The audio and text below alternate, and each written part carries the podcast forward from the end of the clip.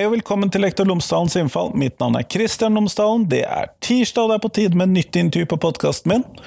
Eh, denne uken snakker jeg med Lars Lerd Iversen som jobber ved Menighetsfakultetet i Oslo. Her forsker han, om, eh, forsker han på religionssosiologi, og han forsker på bl.a. på KRLE-fag osv. Han har laget begrepet uenighetsfellesskapet, og vi skal rett og slett snakke om skolen som et uenighetsfellesskap, se på skolen inn under denne begrepet, og hvorfor dette kan være en nyttig inngang til en fellesskole slik som vi har i Norge. Eh, dette tror jeg blir veldig spennende, og jeg har gledet meg til å intervjue han lenge. Dette får du i dag i dag. Så kommer det et nytt intervju på fredag, siden det er sommerferie. Det er det siste sånn ekstraintervjuet eh, i denne omgang, siden jeg kan ikke holde på med to intervjuer for alltid. Det har jeg ikke tid og mulighet til. Men i hvert fall, fredag så er det et nytt intervju, så får vi glede oss til hva det blir. Eh, men nå får du i hvert fall intervjuet med Lars Ler Diversen. Vær så god.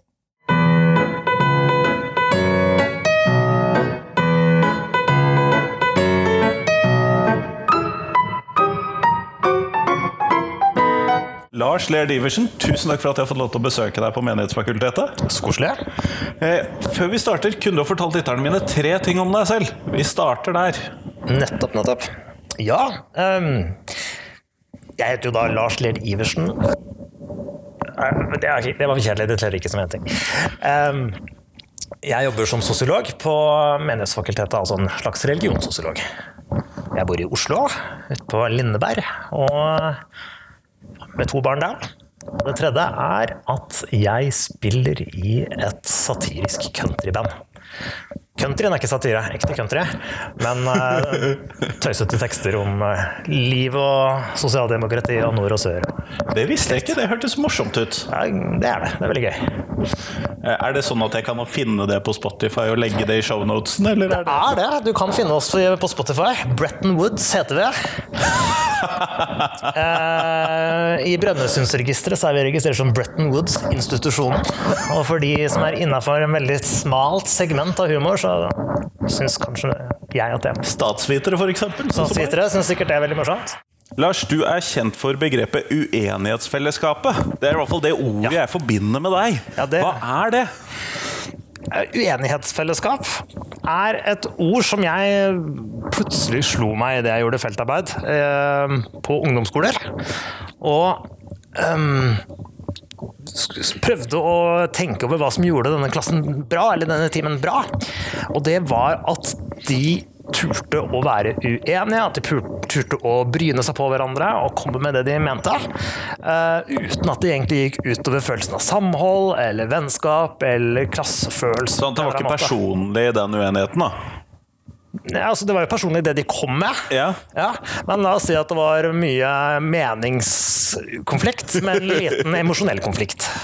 Ja, nettopp. Sånn at det er det du da mener med begrepet uenighetsfellesskap, eller? Ja, det, det var utgangspunktet, men jeg har tenkt videre på det og prøvd å overføre det til uh, større grupper og uh, samfunnet og skolen og sånn.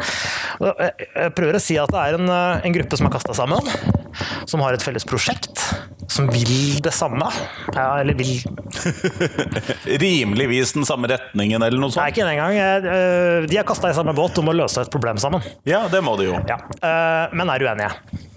Ikke sant? Ja. Eh, Og tanken er jo det at bare det å samarbeide, eller ikke engang det, relatere seg til hverandre med et felles problem, og med det faktum at vi må finne ut av dette sammen, er fellesskapsbyggende.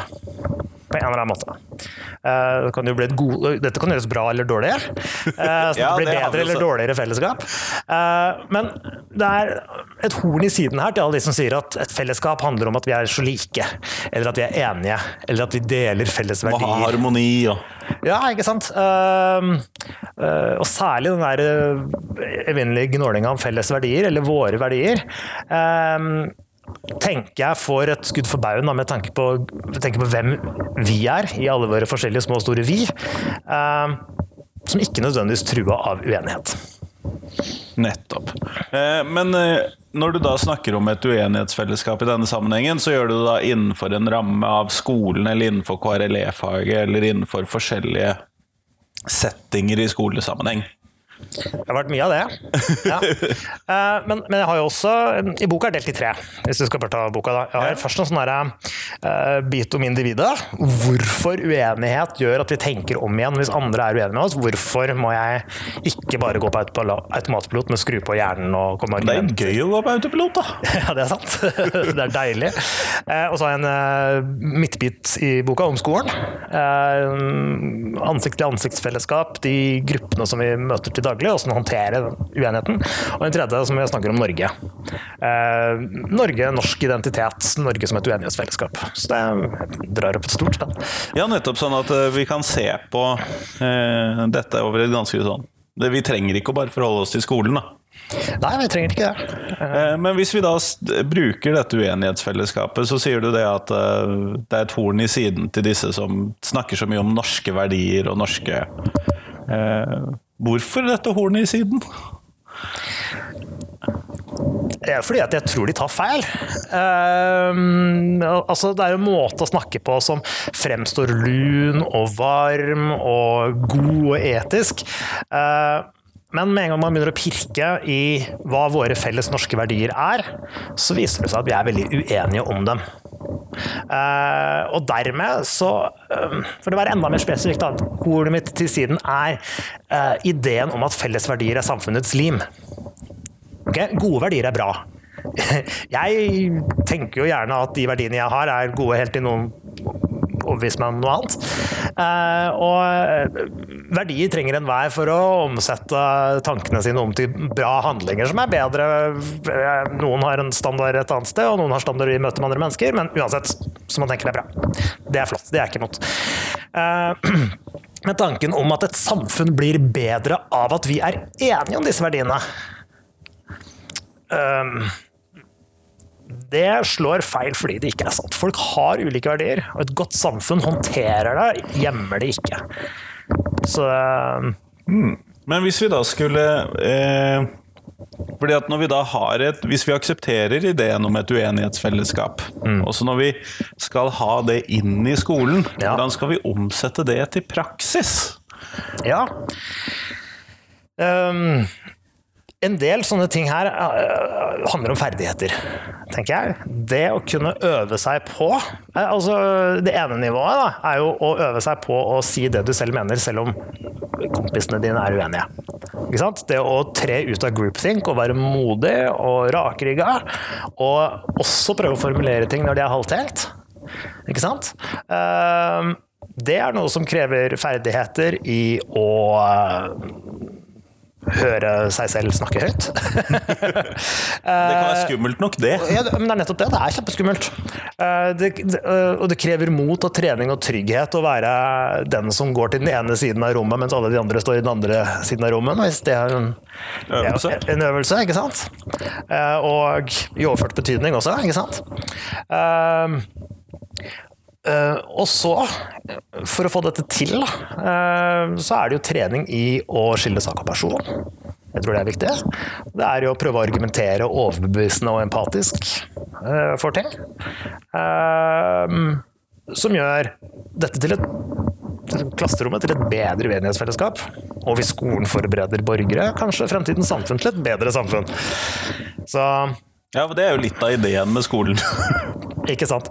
Nei, øh, så det er det ene. Det andre er jo at um læreren tenker jeg er en slags øh, Kan se på seg selv som en slags uh, uenighetsarkitekt. La, la, lage situasjoner hvor uenighet får uh, skru opp temperaturen, sånn at det ikke bare er stille. Eller alle bare er enige. Og skru ned temperaturen hvis det begynner å bli vondt og sårende eller uh, sånne ting. For det er heller ikke noe mål. Vi skal stå og rope hverandre i huet. Uh, et par ting lærerne kan gjøre, er for det første å øve på det. Uh, Hva er et godt argument her? Hva er å ta personen og være å ta ballen, alle disse tingene her. Men også, tenker jeg, ha diskusjonsøvelser hvor man ja, skiller sak av person. Jeg tenker sånne gode, gamle retoriske øvelser som å dele ut argumentene på forhånd. Eh, bytte side halvveis. Eh, Djevelens advokat. du skal finne motargumenter. Det er ikke noe personlig, ikke sant? Det er jobben din. Um, Her er dine prinsipper i dag, vær så god. her er dine prinsipper i dag. Jeg kan ikke ha det sånn hele tida, men dette er jo en øvings, eh, øvingsgreie. Uh, Så kan vi jo uh, prøve å anvende det på ektefølte temaer uh, etter hvert. Så jeg tror det er um, jeg tror det er mye skolen kan gjøre på det, både- rent praktisk, da, til å bli flinkere til å diskutere og samtale, og også som en sånn ramme da, rundt hva slags, hva slags ytringskultur en skole skal ha, hva slags ytringskultur en klasse skal ha. Én en ting er hva læreren gjør i klasserommet, men når jeg leser avisene, så er det åpenbart at skoleledelser også kunne ha glede av begrepet uenighetsfellesskap, tenker jeg. Det har man vel sett for Oslo-skolen, at det kanskje kunne vært et poeng, ja. Ja, eh, det er litt gøy, litt gøy å le av Malkenes-sakene og sånne ting, men jeg tror helt konkret, jeg tror skoleledelser er et av stedene hvor den boka eh, kunne vært spennende å høre hva de hadde tenkt om, om, det som står i den. Men det høres ut som det er en relativt krevende jobb å sette seg inn i hvis man skal være en god uenighetsarkitekt da, for en eh, lærer. Ja. eh, jeg tenker jo at det er Nå prøve å si hva jeg tenker om dette begrepet. Det er jo et ord som jeg tenker er litt eh, spennende å tenke med. For det har en liten sånn indre selvmotsigelse. Det har jo egentlig ikke det, men i sånn emosjonell valør så er fellesskap og uenighet to ulike ting. Det å sette dem sammen gjør at folk stopper litt opp og, eh, og, og tenker en gang til. Um, og når de tenker en gang til, så tenker de ja, men det er jo fullt mulig. Ikke, ikke bare det. det er mange av de spennende, mest interessante, mer lærerike situasjonene er nettopp den koblingen av uh, ulike meninger. uh, godt fellesskap.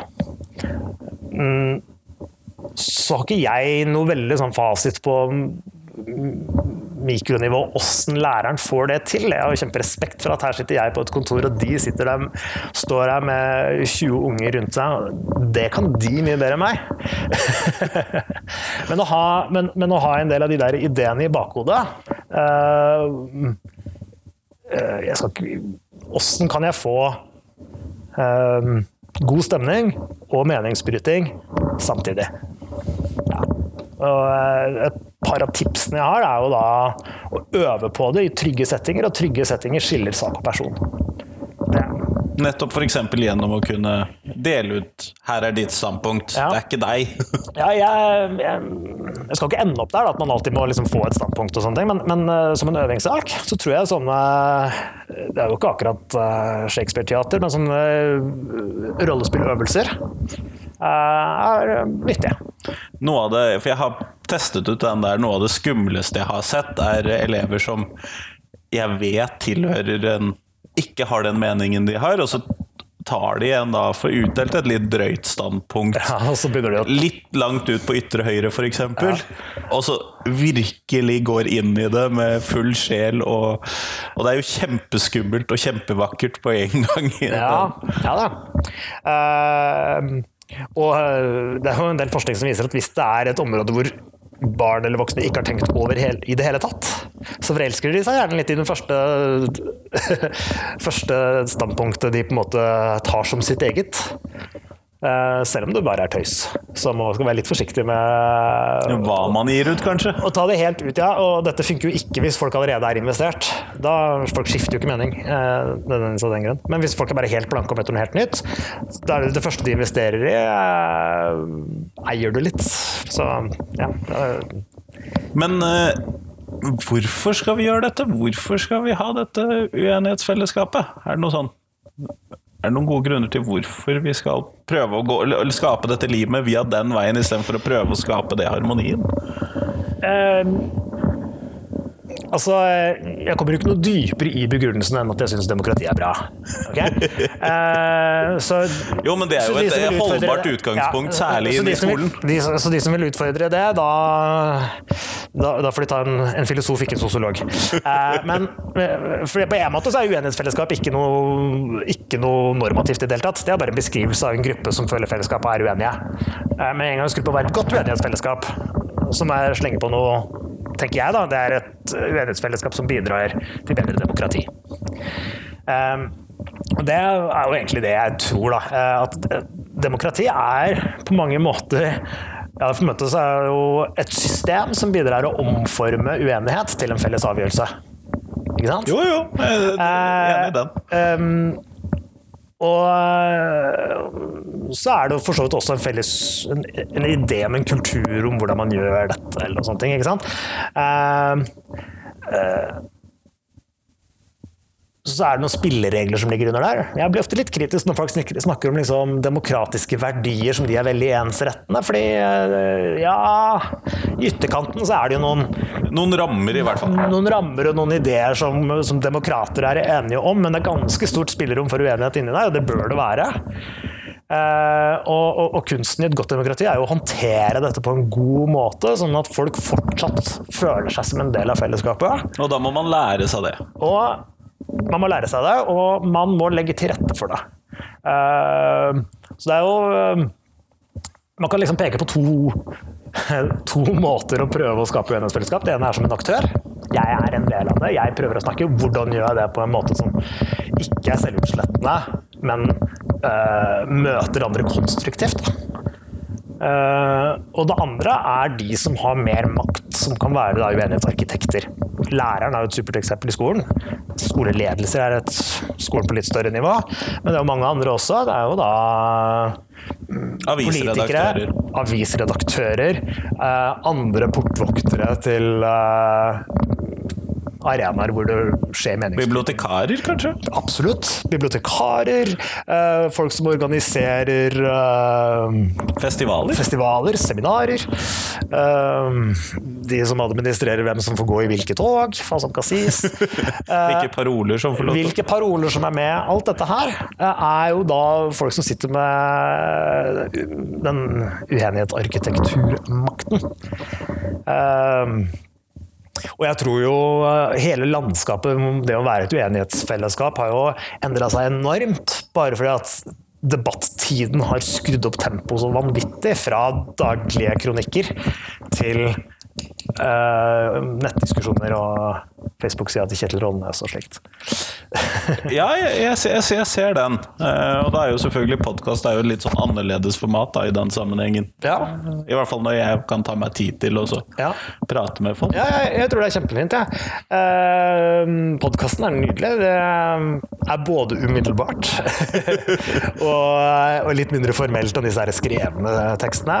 Uh, men jeg tenker jo også at responsen, eller uh, debattemaet, uh, debatthastigheten Det skal jo ikke gå urtreigt, men det er iallfall skrudd ett hakk ned til at man må koble på hjernen og ikke bare uh, galleblæra når man svarer. uh, tenker jeg. Jo, men jeg tror det er mye av det som skjer når det går veldig fort. Så er vi jo eh, jeg, jeg vet ikke hvem som er mitt mest, ekte jeg, om det er mot em emosjonelle, umiddelbare jeg, eller om det er mer ettertenkt, eh, reflekterte jeg. Eh, Begge deler er jo en side ved deg, da. begge deler er en side ved meg. Og hvis man bare ser bort fra den emosjonelle siden av seg, eh, så har man noen problemer. Men jeg tror pendelen kan godt svinge litt tilbake. eh, til det reflekterte jeg. Og hvis noen sier at det er elitistisk, at, så tenker jeg nei da. Det emosjonelle og reflekterte er i enhver person. Det er ikke et skille mellom emosjonelle og reflekterte folk. Eh, Da, eh, såkalt emosjonelle folk er de som oftere befinner seg i situasjoner som trigger dem til å være emosjonelle nå. Så reflekterte folk er de som har privilegiet oftere til å sette seg ned og tenke litt. Men hvis vi da skal oppnå et samfunn med en høy grad av eh, aksept for uenighet, så må vi jo da øves til det. Er vel da kanskje grunntanken. Ja, men når vi, For vi sitter jo nå på en institusjon som utdanner lærere. ja. Eh, og da er det jo naturlig å tenke seg spørsmål om Lærer vi opp de fremtidige lærerne til å kunne håndtere den typen uenighet, eller tror du vi lærer opp lærerne mer inn i et sånt enighetsfellesskapstankegang? Ja, ja, men det er et godt spørsmål. Eh, Jeg tror jo at mye av den praksisen som skjer, er ganske god. Eh, Det var jo egentlig utgangspunktet for hele eh, den ph.d.-forskningen som førte til begrepet, var jo at jeg syns læreplanen var oppfordret til verdifellesskap, mens i praksis så skapte vi uenighetsfellesskap. Og dermed så tenkte jeg at liksom grasrota var bedre enn planverket. For da tenker du på planen for eh, religionsfaget i skolen. Ja, jeg gjør det. Jeg tenker på opplæringslova og øh, øh, Og øh, særlig KRLE-faget. Eh, det er jo i opplæringslova og, og den øh, formålsparagrafen og i KRLE-faget at den her verdiretorikken virkelig har fått utfolde seg og brettet ut sine vinger og flydd. Eh, Grunnleggende verdier for skolen er demokrati og andre ting som vi finner i menneskerettighetene osv. Bla, bla. Ja, men eh, eh, for å snakke litt om det, det der, da, så tenker jeg jo at um, hele ideen om at skolen trenger et verdifellesskap som er koblet til en religiøs og etisk tradisjon Jeg forstår ikke hvorfor den må det. Den der lista er jo superfin. Det er mye bedre det enn en, eh. For det er nettopp ideen om at um, samfunnets lim eller fellesskapsfølelse kommer fra et sett verdier som kommer fra en tradisjon. La meg prøve. Her må jeg litt være nyansert. For grunnen til at det er holdbart, er at det er jo ikke helt ko-ko at dette har hatt noe med samfunnet å gjøre. Men det er ikke fellesskapsfølelsen som kommer derfra. Det er den store feilen. Eh, Norges historie har jo på en måte vært gjennomdynka av kristen tradisjon. Så det vil si at alt er både kritikken og mainstreamen og det konservative var på en eller annen måte kommer opp fra norsk tradisjon. Ja, ja. Alt skyldes Luther, basically. Men, men øh, opplæringslova snur jo det fra å være en slags ja, dette må vi lære om, til en slags dette er en skinnende kjerne vi må ha på innsiden. Opplever jeg, da. Eh, og, og, og, den retorikken rundt opplærings... øh, rundt formålsparagrafen, hvor øh, den står, mener jeg står i motstrid til ideen om et uenighetsfellesskap. Uh, Men du det- fant dette uenighetsfellesskapet da ute i skolen, selv om du da ikke finner det i plandokumentene? Ja, ja, ja. Eh, og det er fordi at det som skjer i plandokumentene, i hvert fall noen av det, er jo symbolpolitikk som ikke handler om hvordan klasserommet skal se ut, men at noen skal vedta hva, hva Norge er. Ikke sant? Ja. Ja. Eh, og det er jo, tenker jeg, en slags uh, reaksjon eh, for det på innvandring. er å si at det er hyggelig med innvandring og mangfold, men, men uh, I Norge så gjør vi sånn. Men det er én tradisjon som er vertskap, og andre er sikkert hjertelig velkommen, men det er ikke helt det samme. Tenker jeg, da. Eh, Så selv de snilleste og hyggeligste formuleringene av en sånn verdi ehm, En knytting av verditradisjoner og det der til identitet.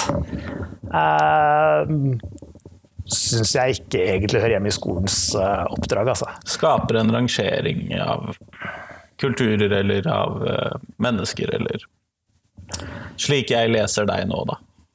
Ja eh, Det er jo det er bra å skape norsk fellesskap, og sånne ting, men du gjør det på feil grunnlag. For at du trekker det fra, for- fra fortiden istedenfor å skape det sammen inn i fremtida. Tenker jeg. Ehm, så eh, det, det inter- En del av forskninga der var jo å, å sammenligne eh, hvor Læreplaner uh, har jo alltid verdier i seg, ikke sant? Ja, ja, de er jo verdidokumenter. Og, og, de er verdidokumenter, og det skal de være. Vi skal ikke gjøre det. Men på 70-tallet så var det noen formuleringer for hvorfor så skal skolen undervise eller ha et verdigrunnlag. Og da sto det for at elevene skal kunne gjøre disse verdiene til sine e, reflektere over det, gjøre verdier til sine egne og la de være virksomme i sitt liv. Kanskje litt imperialistisk, men Muligens. men, men, men, men, det var ikke bare det, for de skulle reflektere over hvilke av disse verdiene som var viktige for deg, og skolen hadde et ønske om at noen av de skulle gå videre. Uh, uh, så da det å si, verdiundervisning handlet om etikk. Utover på 1990-tallet så ser du helt andre formuleringer som sier at skolen må undervise om verdier slik at elevene skal vite hvem de er. Forutsetter jo det allerede at verdiene sitter i dem, da. Slik jeg leser Ja, det, er liksom, det er nesten en sånn uh, gruvemetafor, hvor det ligger noe sånn gull der, men som er gjemt av slagg, og skolen skal vaske det vekk, sånn at det rene som er der allerede, skal bli klart og tydelig. Men det er faktisk, altså Hvis du ser på mandatet nå vi litt her, da. mandatet til Bostadutvalget Ja. Jo, men nerding er fint. Eh, Mandatet til Bostadutvalget som var jo Djupedal, så jeg trenger Jeg sparker ikke bare til høyre. Eh, Djupedal som sa, da var det å avdekke og klargjøre. Ikke etablere eller knesette norske verdier. Og det er en avdekke og klargjøre er veldig sånn Det er der allerede. Det har bare kommet grums og slagg i veien. Vi ser det ikke helt tydelig. vi Vi, må ser- rette på brillene litt. Ja, ikke sant. Alt dette postmoderne flimmersamfunnet gjør at vi, at vi eh, Ikke at vi er blitt usikre, eller noe sånt, men at vi ikke ser den egentlige indre kjernen.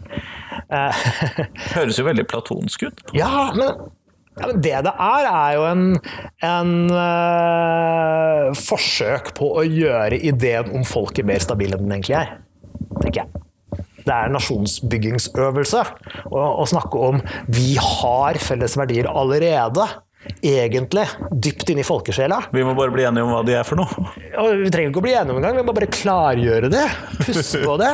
Og da vil vi na naturlig og automatisk være enig i det. Og du hører jo det litt ekle i det, at de som da ikke er enige, er ikke helt folket. De er enten eliten eller noe annet. Ikke sant? Nei, jeg skal ikke dra det for langt, for det er jo ikke dette her disse her mener. Men, men, men øh, den herre verdier er samfunnets felles lim-retorikken er svært utbredt. Eh, Nå snek den i grunnloven vår nå, syns jeg er synd. Altså, offentlig religion hadde jo noen andre problemer. Men øh, forbliver vår eh, hva er det, da? Vår verdiarv? Sånn, Norge, er det ikke det? Jo, det er noe i den dur. Vi skal, kan se om vi klarer å finne, et, uh, finne Grunnloven her. Grunnlovs paragraf 2. Så står del 2 er at denne grunnloven understøtter demokrati, rettsstat og menneskerettigheter. Yes. Sånne lister er jeg blitt mer og mer for.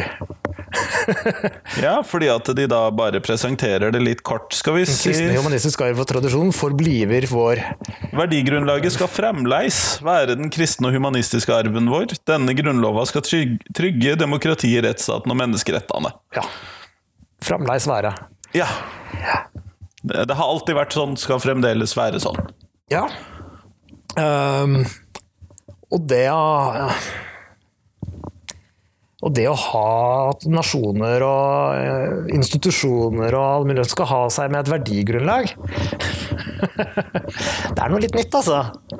Uh, og det er jo morsomt å- Du kan lese liksom Statoil og Rema snakke om hvorfor de skal ha et verdigrunnlag. Det er for å bygge identitet. Det er ikke for å være snille eller gode. Det er for å vite hvem de er, og for at de ansatte skal føle fellesskap. Um, så det er en utbredt idé ikke sant? om at fellesskap skapes ved å, å lage um, Ved å ha felles verdier. Og det er nettopp der du da argumenterer mot Ja, dette. det jeg tror skjer uh, i de sammenhengene, er når alle disse her uh, Statoil-ansatte Oljeselskapet Statoil, ikke energiselskapet Equinor. Neida. Uh, når de setter seg sammen og har opp Post-It-lappene og flipp-overne og prøver å diskutere hva er våre felles verdier, der skapes fellesskap. I den prosessen. I den prosessen. prosessen. De er jo sannsynligvis ikke enige allerede når de lager det, det dokumentet. Nei, fordi Pål liker ordet et eller annet, og Ja, ja. Kari liker Skal vi være rause eller inkluderende? Høres veldig Kjør debatt. Skal vi være kreative eller uh, innovative? Og det høres likere. veldig likt ut. Ja, de høres veldig like ut. Men Kastin, da, skal vi være rause eller kreative? Uh, jeg, jeg tror vel for så vidt at de ansatte vil vektlegge det forskjellige. Hva ender opp på den plakaten? Det er et uenighetsfellesskap som er fellesskapsbyggende. Godt eksempel. ikke den, ikke den plakaten til slutt. Ikke sant? Hvis man tenker at det er, det er ikke de tingene der som uh, binder gruppa sammen. Det er det at de har vært uenige, og så har de på en måte måttet bli enige om noe. Men det tilsier at man må gjøre den prosessen ganske ofte, da. Eller i Ja. skolesammenheng kontinuerlig. Ja. ja, men det tror jeg. Eh, og, og, og, og, og en ting er å gjøre det med Å gjøre noe vanskelig sammen. Eh, det, er, det skaper mestring. Og det får fram eh, bidraget som de ulike folk har. Og det er nettopp det at vi kan litt forskjellige ting. Mener forskjellige ting. eh, er skrudd sammen forskjellig i forhold til optimisme og pessimisme og kreativitet og, og, og, og liksom Hva heter det nå? Å være pertentlighet, ikke sant? Man trenger alle disse tingene for å få bra ting til slutt. Så det er Uenighetsfellesskap kan trenes opp med å bygge Lego sammen i første klasse. Ja, For det kan man bli skrekkelig uenig om. man, de blir veldig uenige om. Skal huset være mangefarget, eller skal det være ensfarget? Eh, ikke sant? Én etasje, to etasjer, ti etasjer? Ja, ja, ja. Ikke sant? Uh, og mye om dette her kunne jo hatt eh, en, en, en, Jeg har blitt mer oppmerksom på alle disse litteraturen i businessskoler om gruppedynamikk og sånne ting. Det er mye interessant der, eh, tenker jeg, da. Det viser seg at veldig mange grupper egentlig ikke er så veldig gode. De er så vidt en sånn arena for å drive noe arbeidsfordeling, og så går folk og jobber hver for seg. Og det er fordi at eh, det er kun de beste gruppearbeidene som får noe ekstra De, de beste gruppene de får merverdi ut av hver gruppe. Mens de andre gruppene ikke gjør det. Egentlig ikke. Og kanskje, og ofte dessverre, ender opp med eh, Og alle vil si det samme som lederen, eller uh, ingen vil skille seg ut. Uh, og sånne ting. Og det høres jo kjent ut fra klasserommet. Særlig kjent fra klasserommet. Så Nei, det som kjennetegner de gruppene som liksom er effektive og, og får til mer enn om de skulle jobbe alene, er nettopp denne kombinasjonen av si sånn stor kognitiv konflikt og liten emosjonell konflikt. Men da, og det tilsier jo at vi må øve disse elevene opp til nettopp den. Å skille, som du snakket om i stad, skille ball og person. Ja, jeg tror det. Og det blir jo da en mye viktigere eh, egenskap å gi elevene danning i, Ja. enn kanskje de små faktating da, innad i faget, kanskje. Fordi at man da kan bruke det etterpå til å lære faget. Uh, Kanskje. Ja, ja Ideelt sett så må man jo ikke sette disse opp mot hverandre. Eh, ehm, jeg tenker jo eh, Det er jo neste omdreining. Da, jeg, skrev, jeg begynte å tenke dette her for snart ti år siden. ikke sant? Og alt dette, dette her så har det jo da eh, blitt mye mer blest om ikke uenighet om verdier eller veivalg eller hva som er lurt, eller hva skal vi gjøre nå, men, men om fakta. Og det syns jeg er litt vanskelig å håndtere, da. Ja, når vi, er, når vi ikke lenger er enige om faktagrunnlaget som ligger i bånn. Nei, og er heller ikke enige om på en måte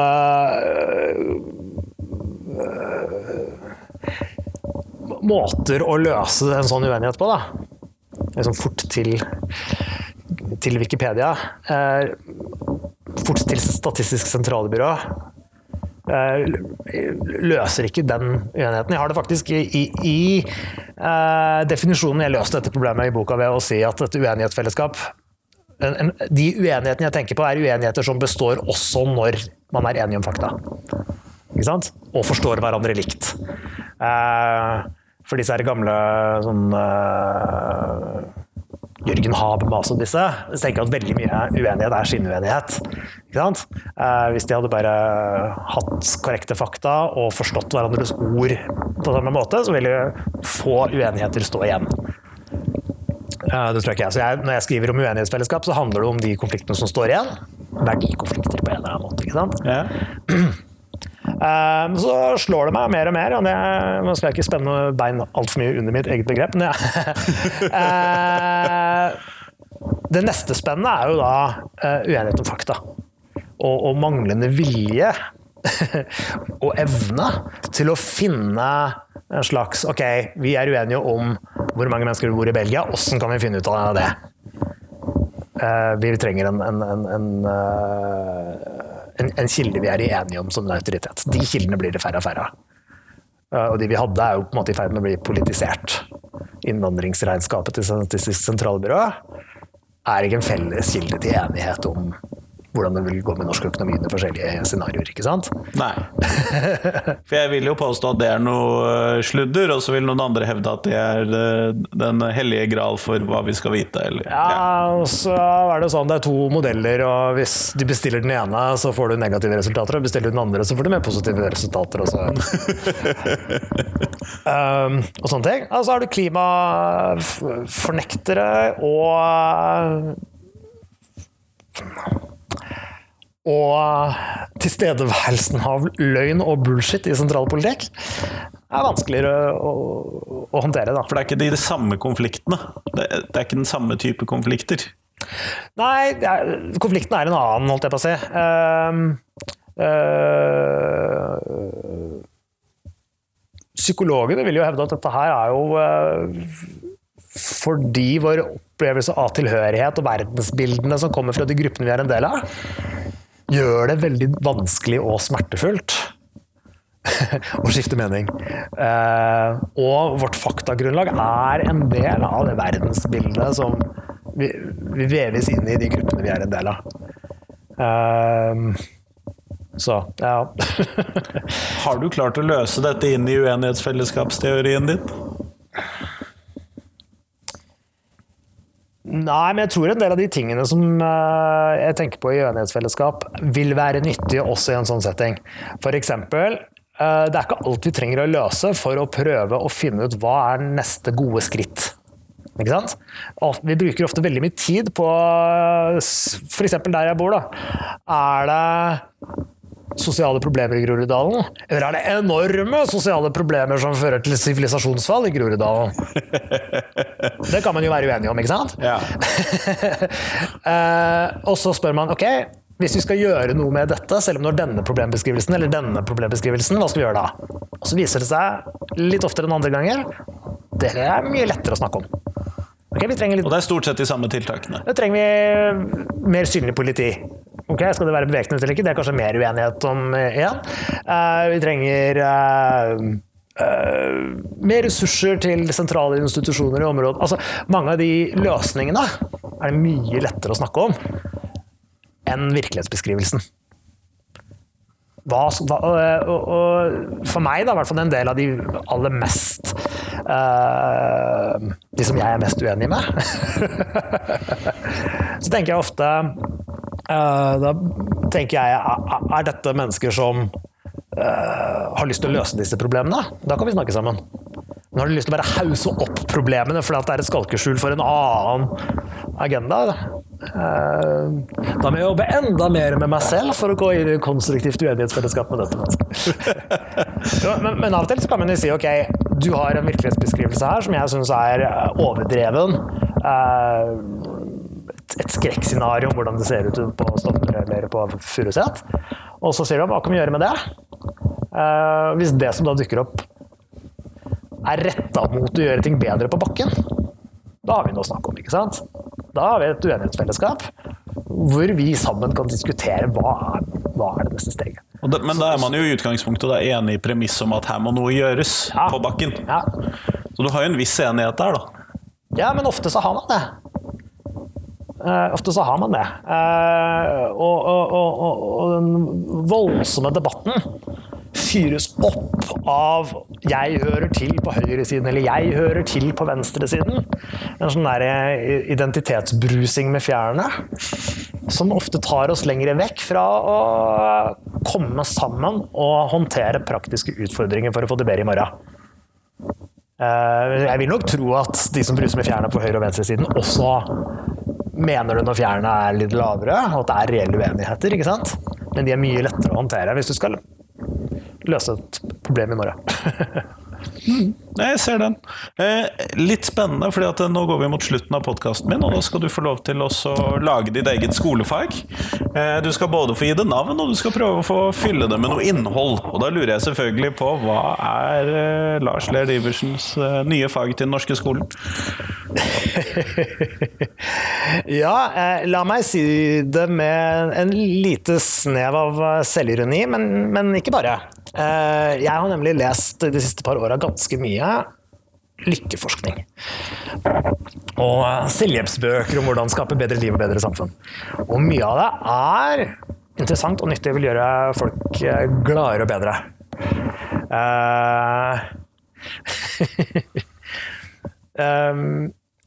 så jeg ville slått et slag for lykke i skolen. Uh, og lykke i skolen handler om uh, lære mer om psykologi av seg selv. Uh, lære mer om å håndtere sosiale relasjoner, sånn som vi også har snakket om her. For dette her handler ikke bare om politikk, ikke sant? det handler om hvordan vi relaterer til hverandre. og så vil jeg ha bakt inn denne her timen med fysisk aktivitet i en sånn setting heller enn en sportssetting eller konkurransesetting og sånne ting. Uh, opp, få opp uh, litt mer puls. Og uh, lære sine triggere. Og finne ut åssen vi kan ha det bedre. For noe kan vi, noe kan vi lære der.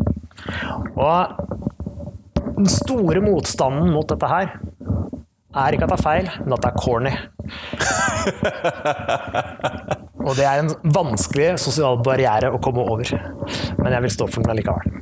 Kjempeflott. Tusen takk for at jeg fikk lov til å prate med deg. Tusen takk, det var veldig stas.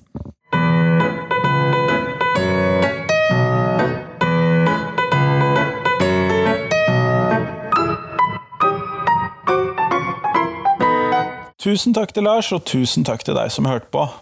Nå er det bare tre dager til neste podkastintervju, men jeg håper at du i mellomtiden kan hjelpe meg å dele podkasten til noen som vil sette pris på den.